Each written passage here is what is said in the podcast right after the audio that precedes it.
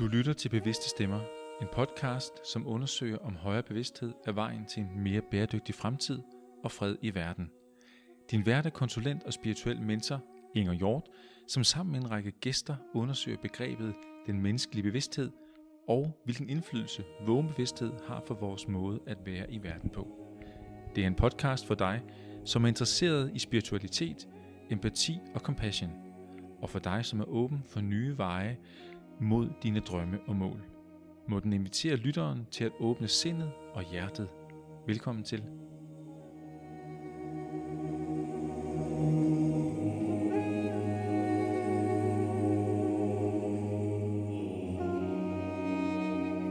Velkommen til Bevidste Stemmer. Mit navn er Inger, og jeg er din vært i dag. Jeg har fået besøg af Søren Hauge. Søren han er forfatter, spirituel underviser, livsvejleder, så er han foredragsholder og guide. Søren, du, øh, du guider både folk ind i hjertet og ned i underbevidstheden og i den mm-hmm. højere bevidsthed, og så guider du også folk ud i verden med nogle af dine meget spændende rejser. Ja. Så, øh, så lige inden jeg overdrager ordet til dig, så vil jeg sige øh, velkommen til, og tak, fordi du vil være med. Selv tak, det er en fornøjelse. I lige måde. Men Søren, måske vil du sådan lige sætte et par ekstra ord på min øh, introduktion. Nu har jeg jo fortalt lidt, hvad du laver, så måske skulle du prøve at sætte ord på, hvem du er. Jamen, jeg er far til to skønne voksne piger midt i 20'erne, og øh, jeg lever i dag på Midtjylland i øh, en lille bitte landsby, og øh, har hele mit voksenliv været øh, involveret i, og altså brugt hele min energi og passion på at, at være underviser og formidler. Og de seneste år har det handlet om at gå meget mere i dybden og meget mere tæt på. Ikke så meget kun at holde foredrag, men, men virkelig der, hvor mødet bliver intens øh, og dybt. Hvilket er noget meget enkelt, øh, men, men også noget, der fordrer, at man, at man vil, vil investere i at, at være til stede. Mm. Så jeg elsker det der dybe møde med det enkelte menneske, såvel som med grupper af mennesker. Øh, og, og det felt, hvor noget vågner op, og hvor en større nærværelse vokser frem, det er fuldstændig fantastisk for mig. Ja. Og jeg har jo øh, dels både hørt dig holde foredrag og har været med til din workshop, og det er jo, jeg synes, du er en fantastisk formidler, og øh, ja, jeg har også lavet tidligere, tidligere lavet podcast med dig omkring mm-hmm. blandt andet Soulflow, som jo er en smuk, smuk øh, måde at arbejde på. Og øh, ja. det kunne vi jo snakke meget om her, men nu skal det handle om øh, bevidsthed, og, ja. øh, og i virkeligheden vågen bevidsthed. Ja. Så Søren, det er jo, øh, det er jo store spørgsmål, som, øh, som jeg glæder mig til at fordybe mig med, eller i, sammen med dig. Så allerførst vil jeg øh, gerne høre, hvis nu jeg siger menneskelig bevidsthed, hvad ord kommer der så til dig? Ja, det første, der kommer til mig, det er, at vi er jo verdensmestre i som mennesker øh, at fastholde vores bevidsthed i nogle ganske bestemte masker eller roller eller udtryksformer. Så den mest almene og udbredte form for bevidsthed, den er defineret igennem roller. Hvad mit køn er, og hvad mit job er, og hvad jeg kan lide, og hvad jeg ikke kan lide.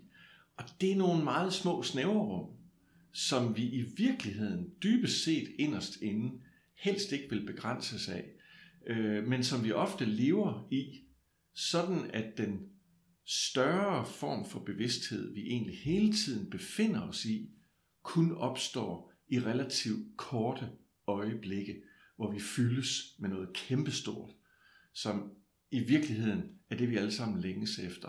Så for mig er den menneskelige bevidsthed noget, som har en kæmpe mulighed, men som alt for ofte lever alt for snævert.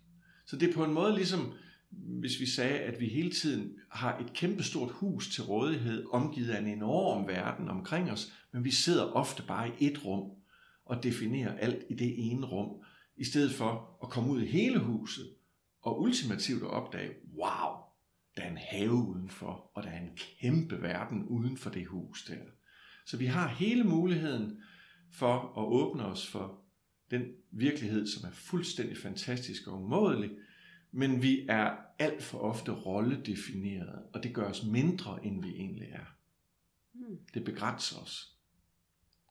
Så den menneskelige bevidsthed som sådan, der vil jeg sige, den er ofte meget rolledefineret, men hvis vi skralder af ind til vores nøgne tilstedeværelse, det, det nøgne menneskelige nærvær, vores nøgne uskyld, kunne jeg også kalde det, så bliver der kæmpestort.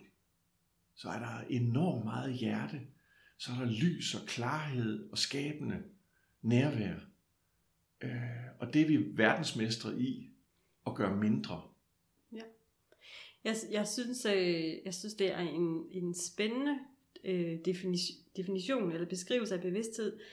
Jeg, øh, jeg har fået øje på, at min egen måde at, at bevæge mig bevidst i verden på, oftest er med, med afsæt i, at jeg finder min, min fejl eller mine skyggesider. Og, altså jeg får Ja. øje på, åh, oh, nu kommer jeg til at pege ud, jeg må hellere tage ansvar hjem.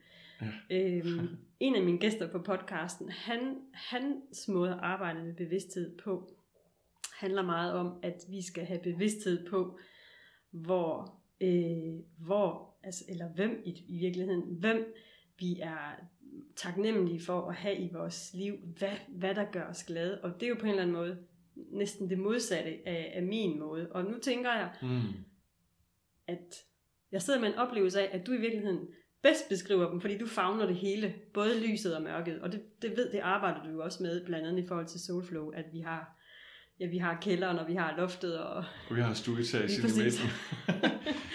ja, det er rigtigt. Øh, Og, og noget af det, som jeg også har opdaget, og som virkelig er blevet en utrolig stærk del af min egen menneskelige erfaring, det er, at hvis vi, hvis vi tør øh, møde kælderen, så bliver loftet og himlen langt, langt mere fantastisk.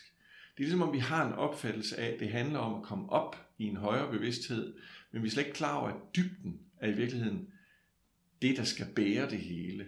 Så hvis, hvis vi virkelig vil vågne mere op som mennesker, så skal vi ture gå ind i alle de rum, der egentlig er til stede. Også når det er ubehageligt, fordi det er ikke i sidste ende det, der definerer os. Jeg kan huske en gang, at Peter Bastian, som jeg har meget stor respekt for, som desværre ikke er mere i blandt os, han sagde de banale ord, det handler ikke om, hvordan vi har det, men hvordan vi tager det. Og det havde jeg hørt før, men da jeg hørte ham sige det, med den vågenhed han havde, så gik det op for mig, hvor er det rigtigt? Hvor er det rigtigt, at vi kan have det svært, og alligevel er der et dybt lag i os, der er klar over, lige nu sker der en vigtig læring. Og det er måske også noget andet, det er den der iboende evne, vi alle sammen har til helt intuitivt at vide, der er læring her. Det er godt nok ikke nemt lige nu, men der er læring i det her. Og derfor er det ofte sådan, det er, når skoen trykker, så sker der faktisk mest i vores liv, og det ved jeg alt om selv. Men og jeg kan huske, en, en stor spirituel lærer sagde engang, det er altid i dagslyset, at skilvagten er mest doven. Fordi når det går fantastisk, så har vi det med at cruise ud i sådan en, Nå, men det går jo fedt nok. Så en gang imellem, så skal vi hen der, hvor det er svært. Og det giver så den gave, at vi kommer ind til, vi har mulighed for at komme ind til essensen eller kernen i, hvad er jeg egentlig for? Hvad er det egentlig, jeg i min vågne tilstedeværelse er her for? Og det er ikke sådan en filosofisk, øh, hvad skal vi sige, intellektuel proces. Det er en spørgen ind til det, der tænder lyset i os.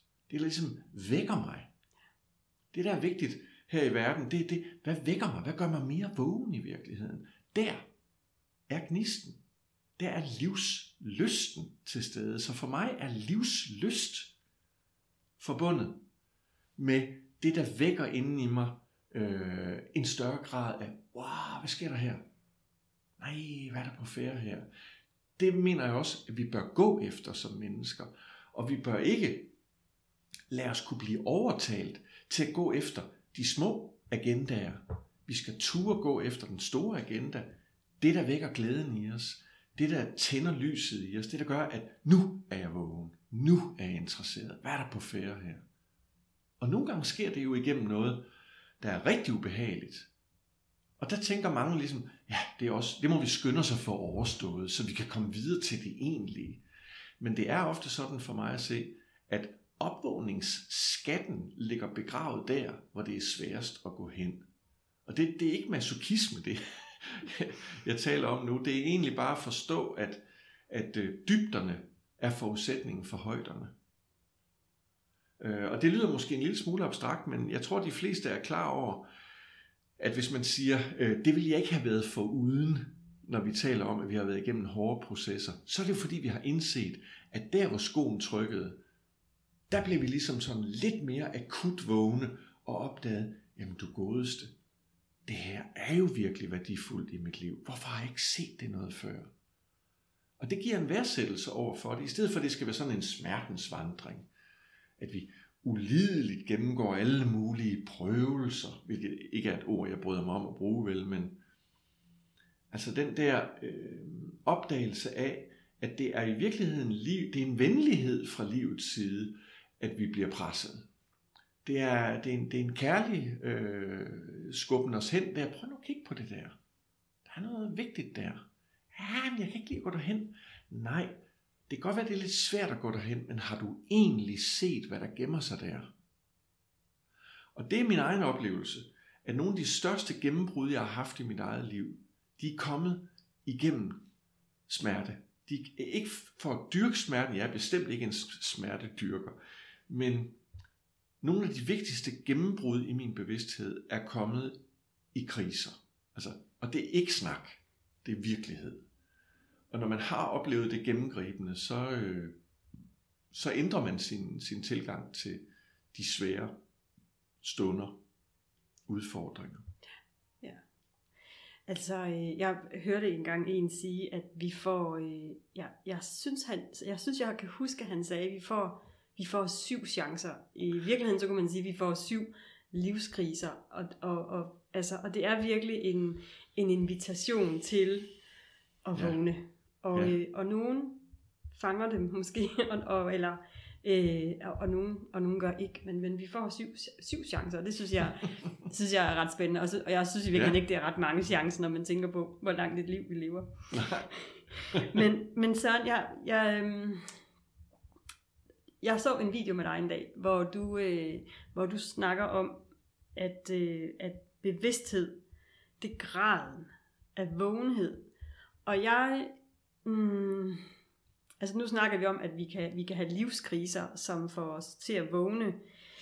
Øhm, ja. Når du så snakker om, at, øh, at graden af vågenhed, er det så knyttet til, at, at vi for eksempel vågner, som du siger, når vi er kommet igennem en livskrise?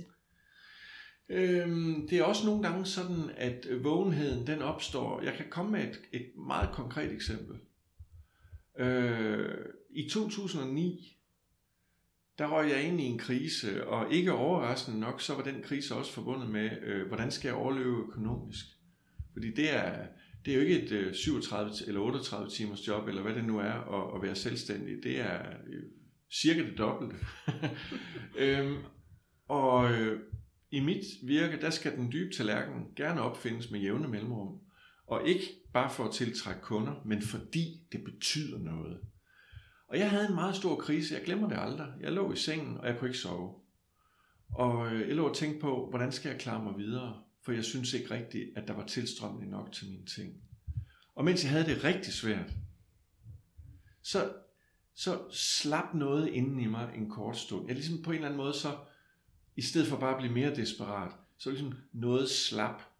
Og i det øjeblik, det slap, så var, billedligt talt var det som om et, et lille, en lille et dun dalede ned ovenfra i mørket. Og det dun der, det var sådan et lille lysende dun. Og det landede, nu taler jeg i billeder, men det er for at illustrere, hvad der skete. Det der lille lysende dun dannede, landede på min indre grund.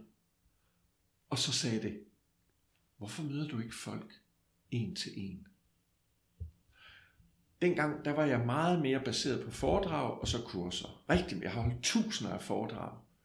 Og så har jeg holdt mange hundrede kurser i årenes løb.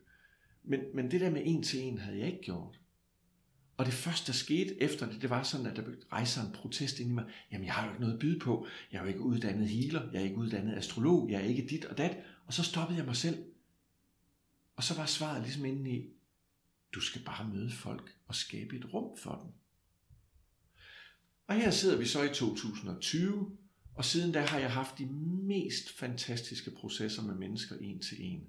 Den der indsigt, den kom, da jeg var mest nøgen, da jeg var rigtig, rigtig sårbar, men et, en lille smule åben midt i det hele, som en slags bøn, eller som en slags, jeg er parat til at gå nye veje. Jeg holder ikke krampagtigt fast i, at det skal være business as usual. Og den lille sprække der, den var lidt ligesom Leonard Cohen, There is a crack in everything, that's where the light gets in, eller hvordan det nu er, det udsagn er. Altså, der kom hul på min fastlåsthed.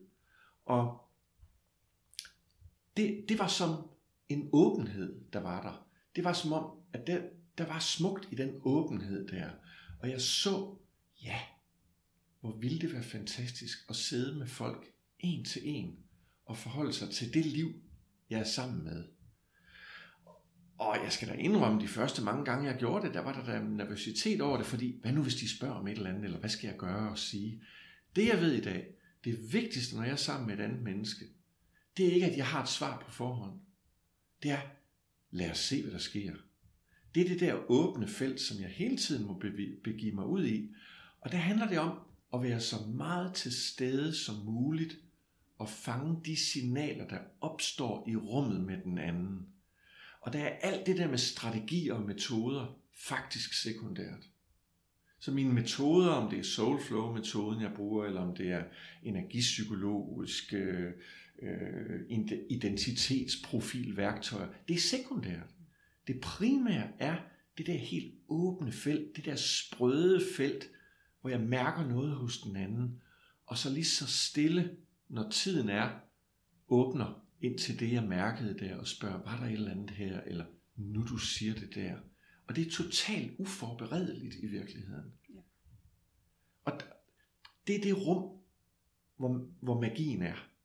Det er det rum, hvor underet sker hele tiden. Men det kræver en afspændthed og en villighed til at gå med det, der er.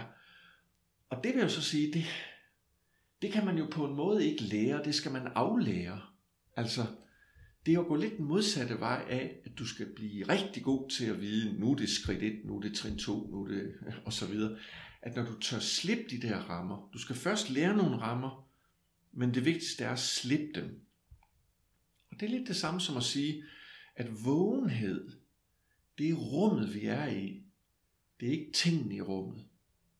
Det vi normalt er optaget af, det er de ting, der er i rummet. Der er mikrofoner lige i det her rum sammen med os. Der er optageudstyr, uger, og omkring os er der vægge med, og der er stole, vi sidder på. Men det, der egentlig er væsentligt, det er det, der sker mellem dig og mig lige nu. Og det kan vi ikke forhåndspræparere på en eller anden måde. Vi kan bare gå med det. Og det har meget med vågenhed at gøre.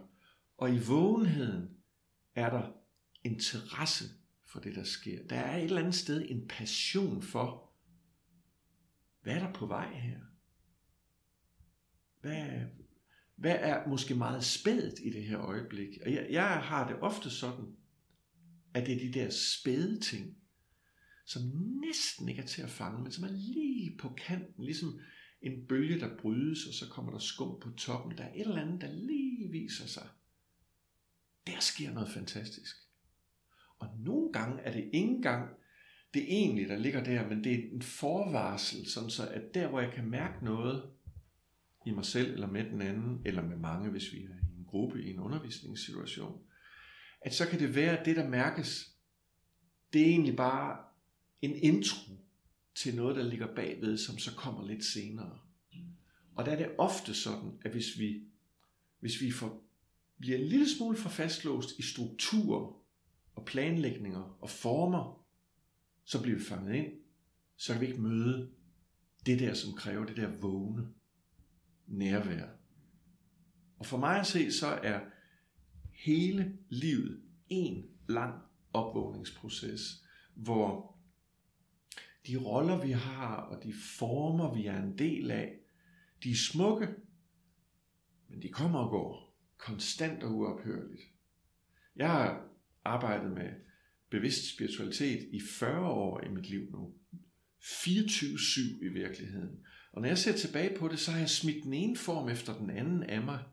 Men hvis nogen spørger mig, siger mig, Søren, er du ikke sådan lidt kameleonagtig, så er du der, og så er du der. Nu ja, jeg, det er ikke lige, hvad folk vil sige om mig, men så vil jeg sige, nej, det er en kontinuerlig proces, hvor, hvor kernen eller essensen eller rummet, og ikke tingene i rummet, er væsentlige.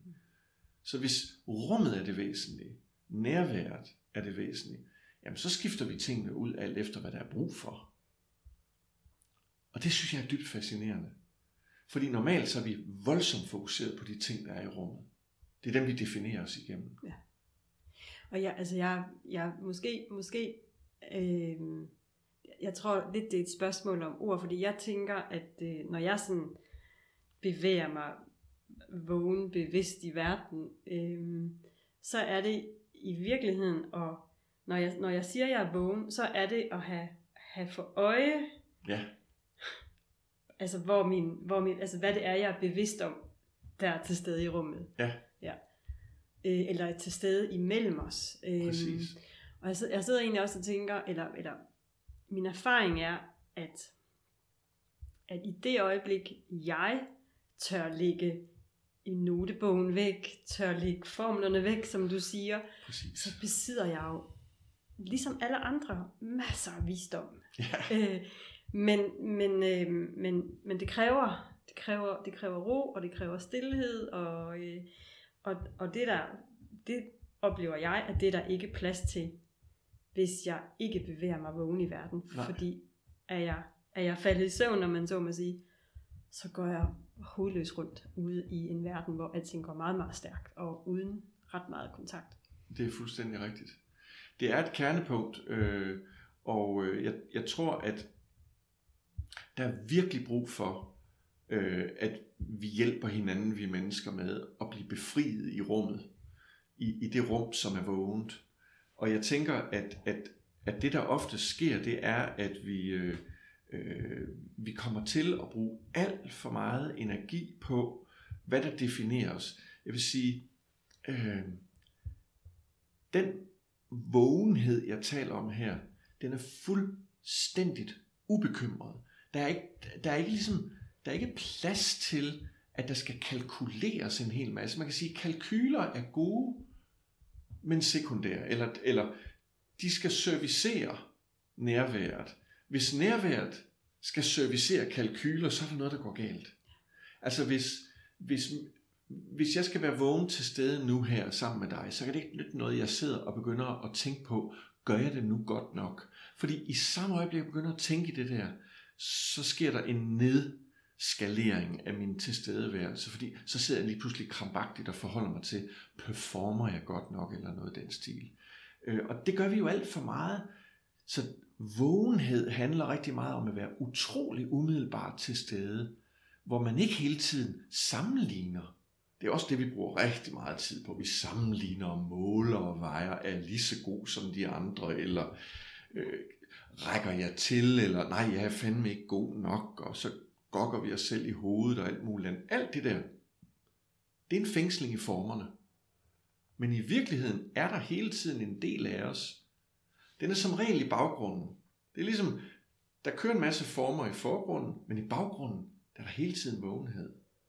Og det, jeg oplever, det er, jo mere vi ligesom kan lade baggrunden få lov til at tune igennem i forgrunden, så vi bare er, uden at vi hele tiden vejer og måler os selv, eller vejer og måler den anden. Hvad vil hun egentlig med mig? Det der podcast der, er hun ude på noget? Ej, nu er jeg langt ude, Inger, for du er ikke ude på noget. Jeg mener, vi har begge to en, en, en passion for det, vi sidder med her. Ja. Øhm, men der er en utrolig frihed i det her. Og i den frihed, der fødes de nye ting.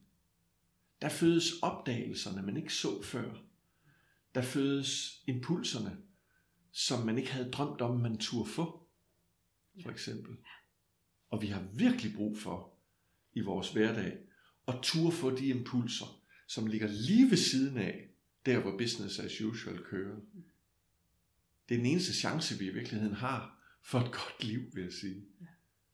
Altså jeg får den, når du, når nu du sidder og, øh, og, og øh, beskriver, øh, så får jeg sådan en, jeg får sådan tanken, er det sådan, at, øh, at spædbørn, Ja. de, at, at de er vågne bevidste, men de har bare ikke, man kan sige, de har ikke, de har ikke et ord for det, eller de, altså, men, men de er i virkeligheden dem, der er den fineste. Ja, lad mig, lad mig sige det på den her måde. Spædbørn er fantastiske at se på, fordi de har det, vi taber, når vi gennemsocialiseres i vores blive tilpasset alle de former og alle de øh, øh, traditioner og alle de øh, sådan gør man og sådan gør man ikke og her er det rigtigt og her er det forkert. Det som spædbørn ikke har, det er den jeg-platform, som vi som voksne har. Og jeg siger ikke, at vi skal smide jeg-platformen væk, fordi den skal vi bruge til at manøvrere i verden med. Det er derfor, at spædbarn ikke kan lave mad, men er fuldstændig betingelsesløst afhængig af, at mor leverer maden, fortrinsvis gennem sit bryst. Og derfor vil jeg sige, ja, det handler om at genvinde det, som vi havde som spædbørn, men ikke at smide det ud, som er brugbart, som vi vandt, da vi blev voksne. Selvbevidstheden er på ingen måde forkert. Den er et slags brandglasfokus for vores tilstedeværelse. Og jeg synes også, vi skal være, vi skal være, vi skal ære vores personlige karakteristika, som ikke bare er en blank skærm, men faktisk er noget smukt. Når jeg kigger på dig, og når jeg mærker dig, så er der ingen andre i verden, der er som dig. Det unikke præg ved dig, som en del af din bevidste tilstedeværelse, det skal æres. Det skal ikke, ja, men i virkeligheden findes Inger ikke, der er bare kosmisk skærm foran mig. Altså det giver jo ikke nogen mening, så kan vi ikke relatere til hinanden. Så der er den dobbelthed, at på den ene side, og, og, og træde ind i det der mirakuløse åbne rum, hvor der er så meget, der pludselig åbner sig. Som for eksempel, at vi jo slet ikke sidder og taler nu ud fra en masse øh, stikord her, som jeg har. Jeg har ikke noget papir, og, og du har adskillige gange forladt din lille noteoversigt der. Og det er det vidunderlige ved det, hvis, hvis vi er tillidsfulde i det. Men samtidig også ære den personlige prægning, vi har med os, som efter min mening er, er, er en rigdom. Altså, at, at vi ikke er ens. Ja. Så der kommer det der fantastiske noget, at vi kan møde hinanden i det fælles åbne rum og mærke den enestående forskellighed, uden at det bekriger hinanden. Ja. Og der, der synes jeg simpelthen, at livet bliver fuldstændig fantastisk, hvis man tør. Og i virkeligheden så er, er, er mit postulat, at, at, øh, at, at vågen bevidsthed er vejen, altså det er vejen til, til indre fred, øh, men også til ydre fred, fordi jeg, jeg har i hvert fald en oplevelse af, at når jeg er vågen, vågen bevidst i verden, så skulle der være noget, som på en eller anden måde gør mig vred eller ked af det, så altså i det øjeblik, jeg tager ansvaret hjem og, og kigger på, hvad er min andel, hvad er det, Ja, der bliver sat i spil, jamen så stopper, så stopper den krig, som i virkeligheden aldrig kom i gang. Øh, Så ja. ja det er rigtigt. ja. Mm. Det er en utrolig vigtig øh, pointe, du har. Og det får mig også til at sige, jo mere vågne vi bliver, desto mere smelter den der membran, som gør, at jeg sidder i min egen lukkede verden, og så er der en anden verden udenfor. Fordi min erfaring er, der er ikke en anden verden udenfor. Jeg er altid en del af den verden, der er udenfor. Ja. Og hvis det er tilfældet, så betyder verden faktisk rigtig meget for mig. Så der kommer ud af det en omsorg, en, øh, en, øh, en tagen vare på, at jeg kan ikke bare pleje det, der ligger inden for mit hudindgrænsede, eller mit hudafgrænsede ego, eller hvad vi nu måtte kalde det, som man nogle gange skælder ud på det, øh, os selv. Men du er en del af min verden. Alle andre mennesker er en del af min. Alle andre væsener på den her planet er faktisk en del af min verden. Og det kan godt være, at jeg ikke kan tale med en ulv i vanlig forstand, men har, har jeg overhovedet nogensinde prøvet virkelig åbent at opfatte ulven? Kan vi sige, vi snakker omkring, der er ulve i Danmark, og det er farligt, og alt de truer, og hvad ved jeg, nogen mener, det er, er de skulle væk igen. Vi er verdensmestre, vi mennesker, i at have en forud planlagt dagsorden om, hvordan man skal kommunikere. Og så sætter vi den, så dikterer vi den dagsorden. Men bevidsthed, der er meget åben, den bliver efter min mening i stand til at udveksle med alle former for bevidstheder. Ikke bare vi mennesker, men det kræver, at vi ligesom sætter vores meget, meget forud, øh, forudfattede dagsorden til side. Jeg sige, hvordan kan man kommunikere med en ulv eller en, en, en, en sommerfugl? Eller et træ for den sags Eller skyld. et træ for den sags skyld, ja. Jeg kommer sådan til at tænke, at øh, jeg ved, at du har også... øh, Du, jeg, jeg, det ved jeg ikke, men jeg forestiller mig, at du ved lidt om det aramæiske sprog, fordi du har også samarbejdet med Lars Muhl. Det er meget lidt, jeg gør det, men, men lad mig høre, hvad det er, du, din pointe er. Jamen, jeg hørte en øh, her for nylig sige, at, øh, at øh, det et ord udtrykker i det aramæiske sprog, der er nemlig ikke, kun- ikke kun én betydning i ordene. Der er den betydning, der, der er tilknyttet din grad af bevidsthed. Og på en eller anden måde, så bliver det jo lidt det samme, som, Mm. mm. som når du sidder og siger, at vi kan tale med, med ulve, eller med træer, eller med blomster.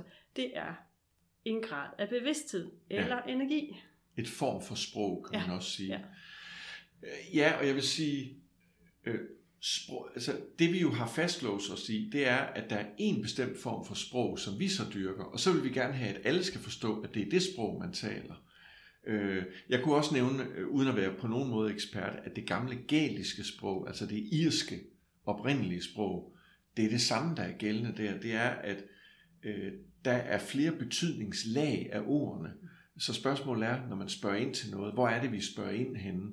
Og det tror jeg faktisk generelt, at hvis vi går mere tilbage i tid, så vil vi opdage, at sprog er meget mere multidimensionalt, end vi har endt med at gøre det til.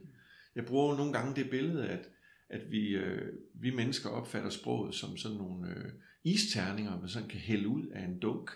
Øh, men der er også mulighed for at hælde vand ud.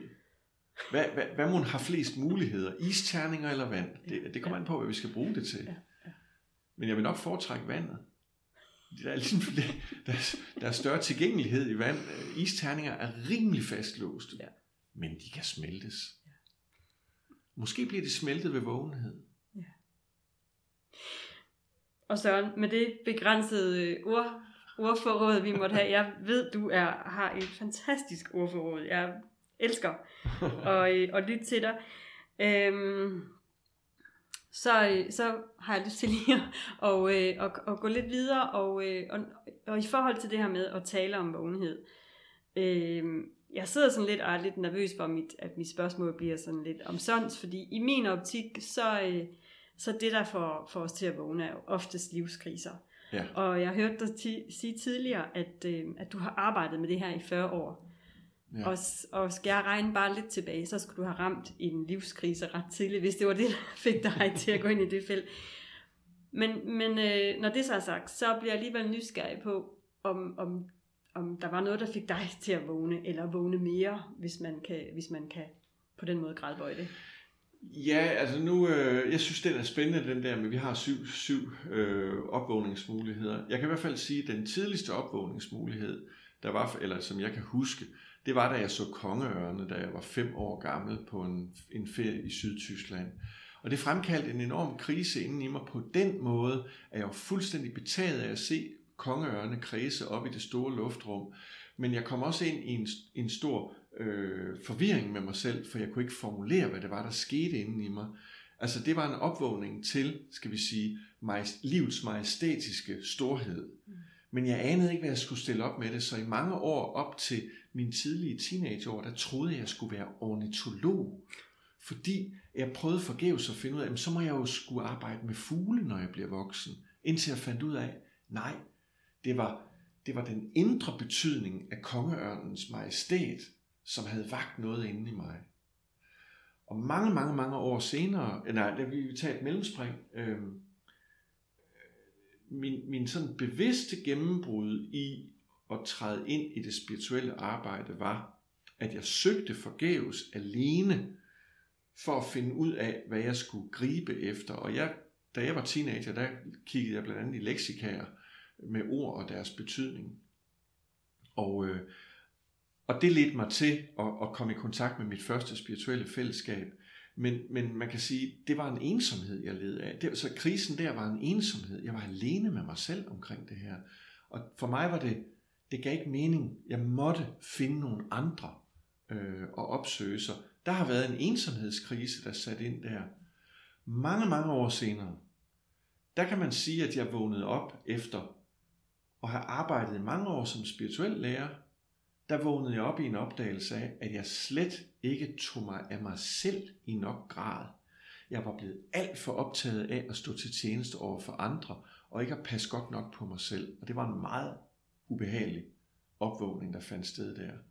Fordi jeg havde kastet mig ud i blandt andet at dulme mig selv med alkohol, og det virker jo komplet latterligt, øh, hvis man er spirituel underviser.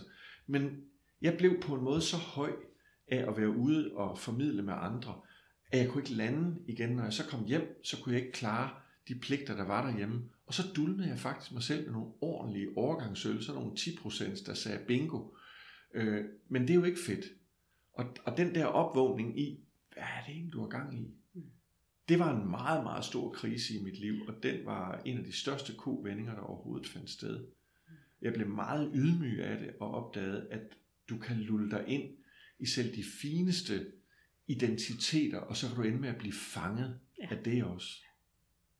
Fordi det, det tænker, det, det, kan vi, det kan vi faktisk rigtig, rigtig hurtigt. Altså, og jeg tænker, hvis ikke vi der også er vågenbevidste, så får, så får vi lige præcis lydet os ind i en fortælling om, ja. at jeg er vågen, bevidst og spirituel, og, og måske så tillægger vi os, eller så, gør, så kan man have en, nej, så kan jeg have en tendens til at sige, så er jeg et, et bedre menneske i verden, fordi, ja. men i virkeligheden, så er det jo den værste udgave, vi kan blive af os selv. Ja, for i det øjeblik, man begynder at sige, nu er jeg rigtig ved at vågne, så har du målebåndet fremme. Ja. Fordi så er du i en sammenligning, så nu er jeg mere vågen end nogen andre. Ja. Ikke? Og, og så er vi over i, i det, jeg nogle gange kalder for medaljeafdelingen. Så skal man have udleveret medaljer, fordi man er mere vågnet op. Og det er lige så trivielt som alt det andet. Ja. Når man er til stede på den naturligste måde, så er målebåndene lagt pænt til side, og der er ingen sammenligninger, fordi det, man er optaget af, det er at være til stede. Ja. Det var faktisk rigtig fint lige at få den, få den vinkel på. Øhm, jeg synes, fordi jeg, jeg oplever faktisk, at det er noget, der godt kan præge, hvad skal man sige, de spirituelle. Ja, det sniger så meget ja, lidt ind. Ja, ja. Spirituelle identiteter, ja roller Lige præcis. Ja, lige præcis. på samme måde.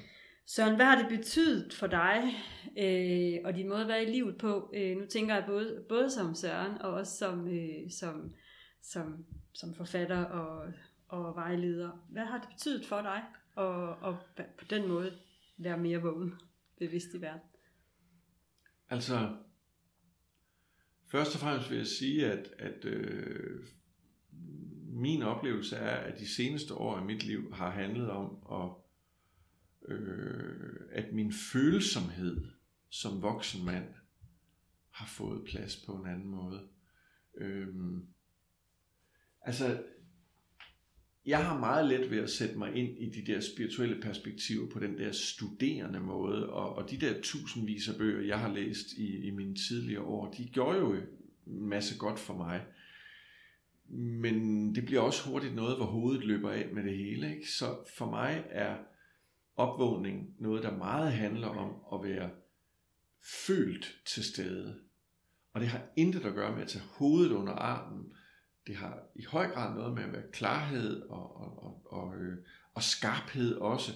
Men det har meget noget at gøre med den blødhed, der ligger i at være varmt til stede i rummet. At være tillidsfuldt, øh, frit åndende til stede i rummet. Og, og det må jeg sige, at der, dem, der er tættest på mig, de, de, de har været vidner til, at Søren er blevet meget mere nærværende. Søren er blevet meget mere åben til stede, end han var i sine yngre år, hvor han var mere en kloge åge, altså ja. øh, sådan studiemæssigt. Ikke? Og det, jeg vil slet ikke underkende studier, men det er bare enormt vigtigt, at man ved, hvor, hvad rolle de spiller som hjælper til en opvågning, men man kan ikke læse til, til spirituel opvågning. Øh, ligesom man heller ikke bare hardcore kan meditere sig til opvågning. Vi skal ud og møde det her liv, der rammer os.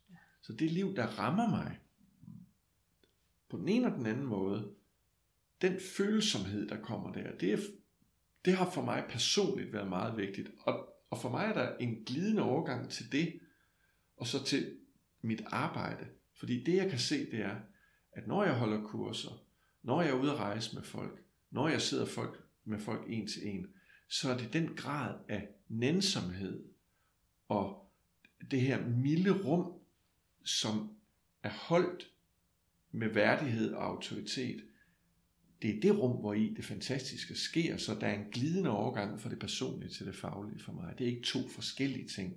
Nej. De hænger simpelthen sammen. Ja, jeg er helt enig. Altså, vi, jeg, jeg er jo også selvstændig, og jeg går jo også Ja, ind i samarbejder med, med, med hele Inger. Øhm, Ja. Altså, så selvfølgelig er vi, Præcis. ja, vi kigger adskilte. Søren, hvis nu, øh, hvis nu der sidder nogle lytter herude, og nu med far for alligevel hive målebåndet frem og sige, at der er nogen, Yes. der er mere eller mindre bevidste. Hvis man gerne vil, vil træne og udvide sin, sin vågenbevidsthed, mm. jeg, jeg bliver lidt ked af at skal sige, har du tre gode råd? Fordi det synes jeg ikke, er det, jeg synes ikke, det er det rigtige felt at, at efterspørge det. Og så alligevel, Jo, det er fint. Øh, for det første vil jeg sige, at jeg bruger, jeg bruger sjældent selv ordet træne, fordi det giver sådan en, en militant øvelse, en sådan fornemmelse af, nu skal der æde med med eksercits på banen, og det avler meget hurtigt en ulyst hos mange. Fordi man mister ligesom gejsten allerede på forhånd. Du skal træne, og det skal være hårdt, og det skal være længe. Jeg vil sige, hvis jeg skulle komme med nogle friske fra hoften, så vil jeg sige, Måske er det en god idé, hvis vi øver os i at være mere åbne over for pausen. Der, hvor der ikke sker noget. Måske skulle vi oftere træde ind i pausen, eller som jeg kalder det også for mellemrummet, imellem A og B. Fordi pauser, de er lige ved hånden hele tiden, og der bliver tingene pludselig meget til stede, og en pause kræver ikke andet end bare lige at trække vejret. Så jeg vil sige, træk vejret og mærk, at der er en pause ved hånden hele tiden. Hvad sker der der, når du trækker vejret og er i pausen? Det vil være det første, jeg vil sige. Og det er det simpleste i verden. Og det er det, som mange udskyder igen og igen. Ja, det lyder sgu meget spændende, Søren Hauge, med den der pause der. Det vil jeg sgu lige overveje. På et tidspunkt tror jeg sgu egentlig, jeg skal have en pause. Og så kører man derud af, Ja og der kommer ingen pause. Det andet, jeg vil sige, det er,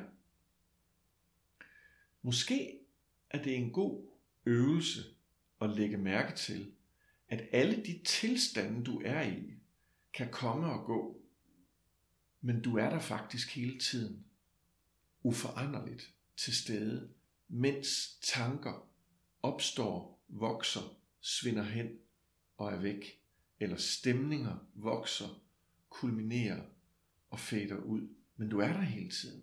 Den der simple skældning imellem, hvad der er af indhold i min bevidsthed, og så hvad selve mit nærvær er hele tiden.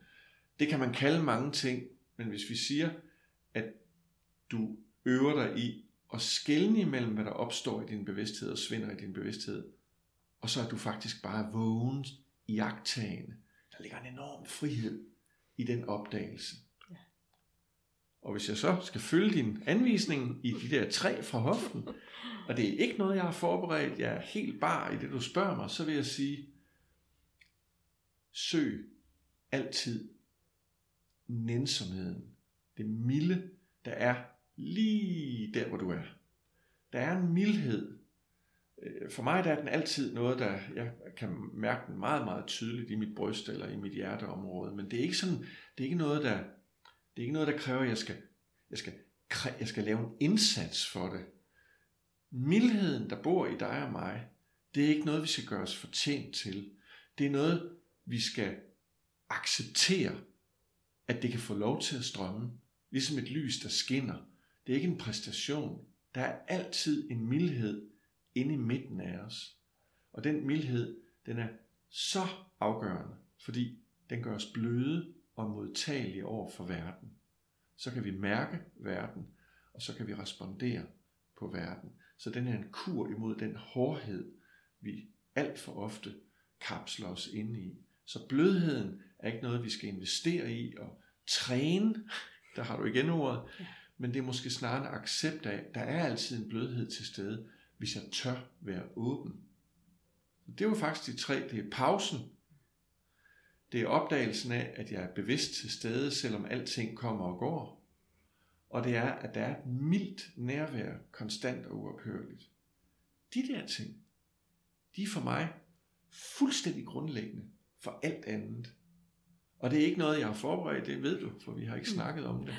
Og jeg, jeg går bare med det, du spørger om, og tager lige præcis det, som og, ja. Og, ja, og, ja, og det er, altså når du sådan sidder og taler om mildhed, så et ord, der kommer til mig, som er introduceret af Christa Bøjsen, som også er forfatter til blandt andet en bog om skam. Mm-hmm. Hun, øh, hun taler om noget. Ja.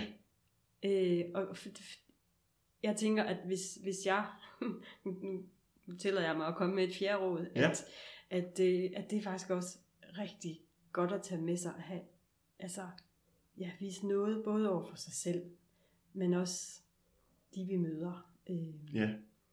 ja. Måske er det i virkeligheden der i mildheden opstår, eller Ja, vi er inde i det samme rum, ja, når du siger ja, det der, men der er jo mange, der har nogle bestemte associationer til ordet noget, men, men jeg ved, hvad du siger lige nu, og, og, og, og det er en åbenhed over for noget, hvor der også er en kæmpe stor taknemmelighed, og hvor der, og, og hvor der er en, en, en given plads, og hvor, hvor st- det store kan være med os.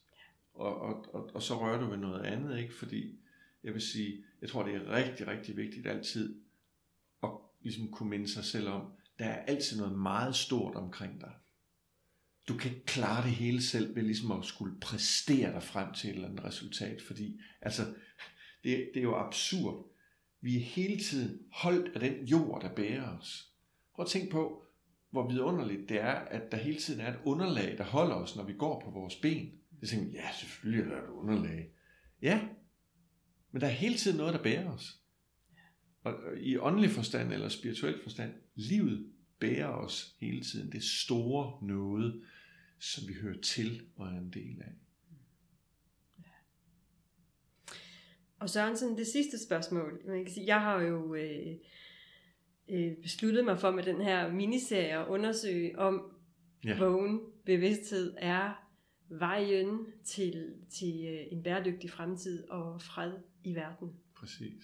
Hvad siger du? Er det vejen, eller er det flere veje?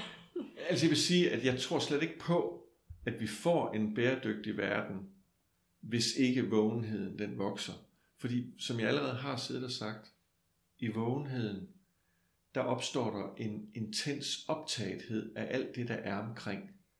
Og så kan det jo ikke undgå at gøre et dybt indtryk, hvis man kan se, at havene flyder over af plastik, og ens bevidsthed bliver ramt af det der, er det virkelig rigtigt, at haven er så proppet med det plastik, vi står og spytter ud i den tandpasta, som vi har glemt at kigge efter, om den har mikroplast i sig.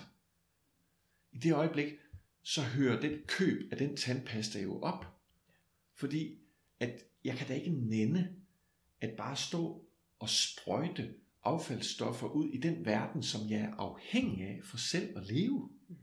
Så for mig at se, er det på en eller anden måde sådan, hvis jeg skal have lov til at blive her, så bliver der nødt til at tænke på, at de handlinger, jeg udfører, de er med til at støtte min fortsatte eksistens. Og så kommer bæredygtigheden jo af sig selv, fordi så er det jo skridt for skridt for skridt. Det er ikke noget med, at vi skal være perfekte øh, eksperter i bæredygtighed. Der er tusind ting, jeg ikke aner om, om bæredygtighed. Men i mine skridt, i min hverdag, der gør jeg jo bare ting. For eksempel, jeg køber stort set ikke plastikposer mere. Jeg synes, det er helt knald i låget.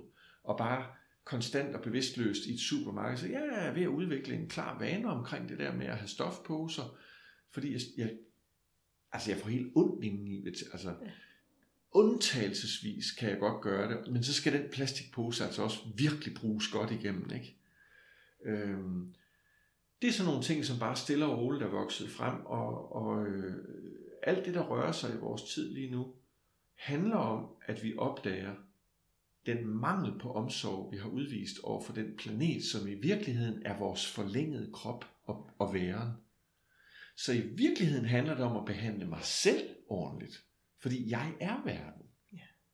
Jeg kan ikke adskille mig selv fra verden. Det er absurd. Det giver absolut ingen mening. Så at være god mod verden, det er at være god mod sig selv.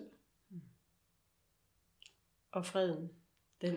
Den kommer jo helt af sig selv, fordi øh, mine medvæsener er fyldt op af noget, der minder om det, jeg selv er fyldt op af.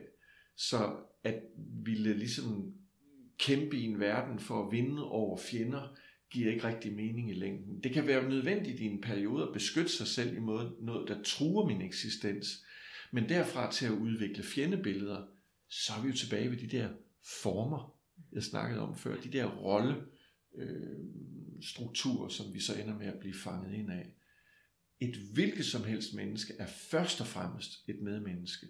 Dernæst er det mand, kvinde, dansker, religiøs, ikke religiøs osv. Søren, tusind tak Selv tak.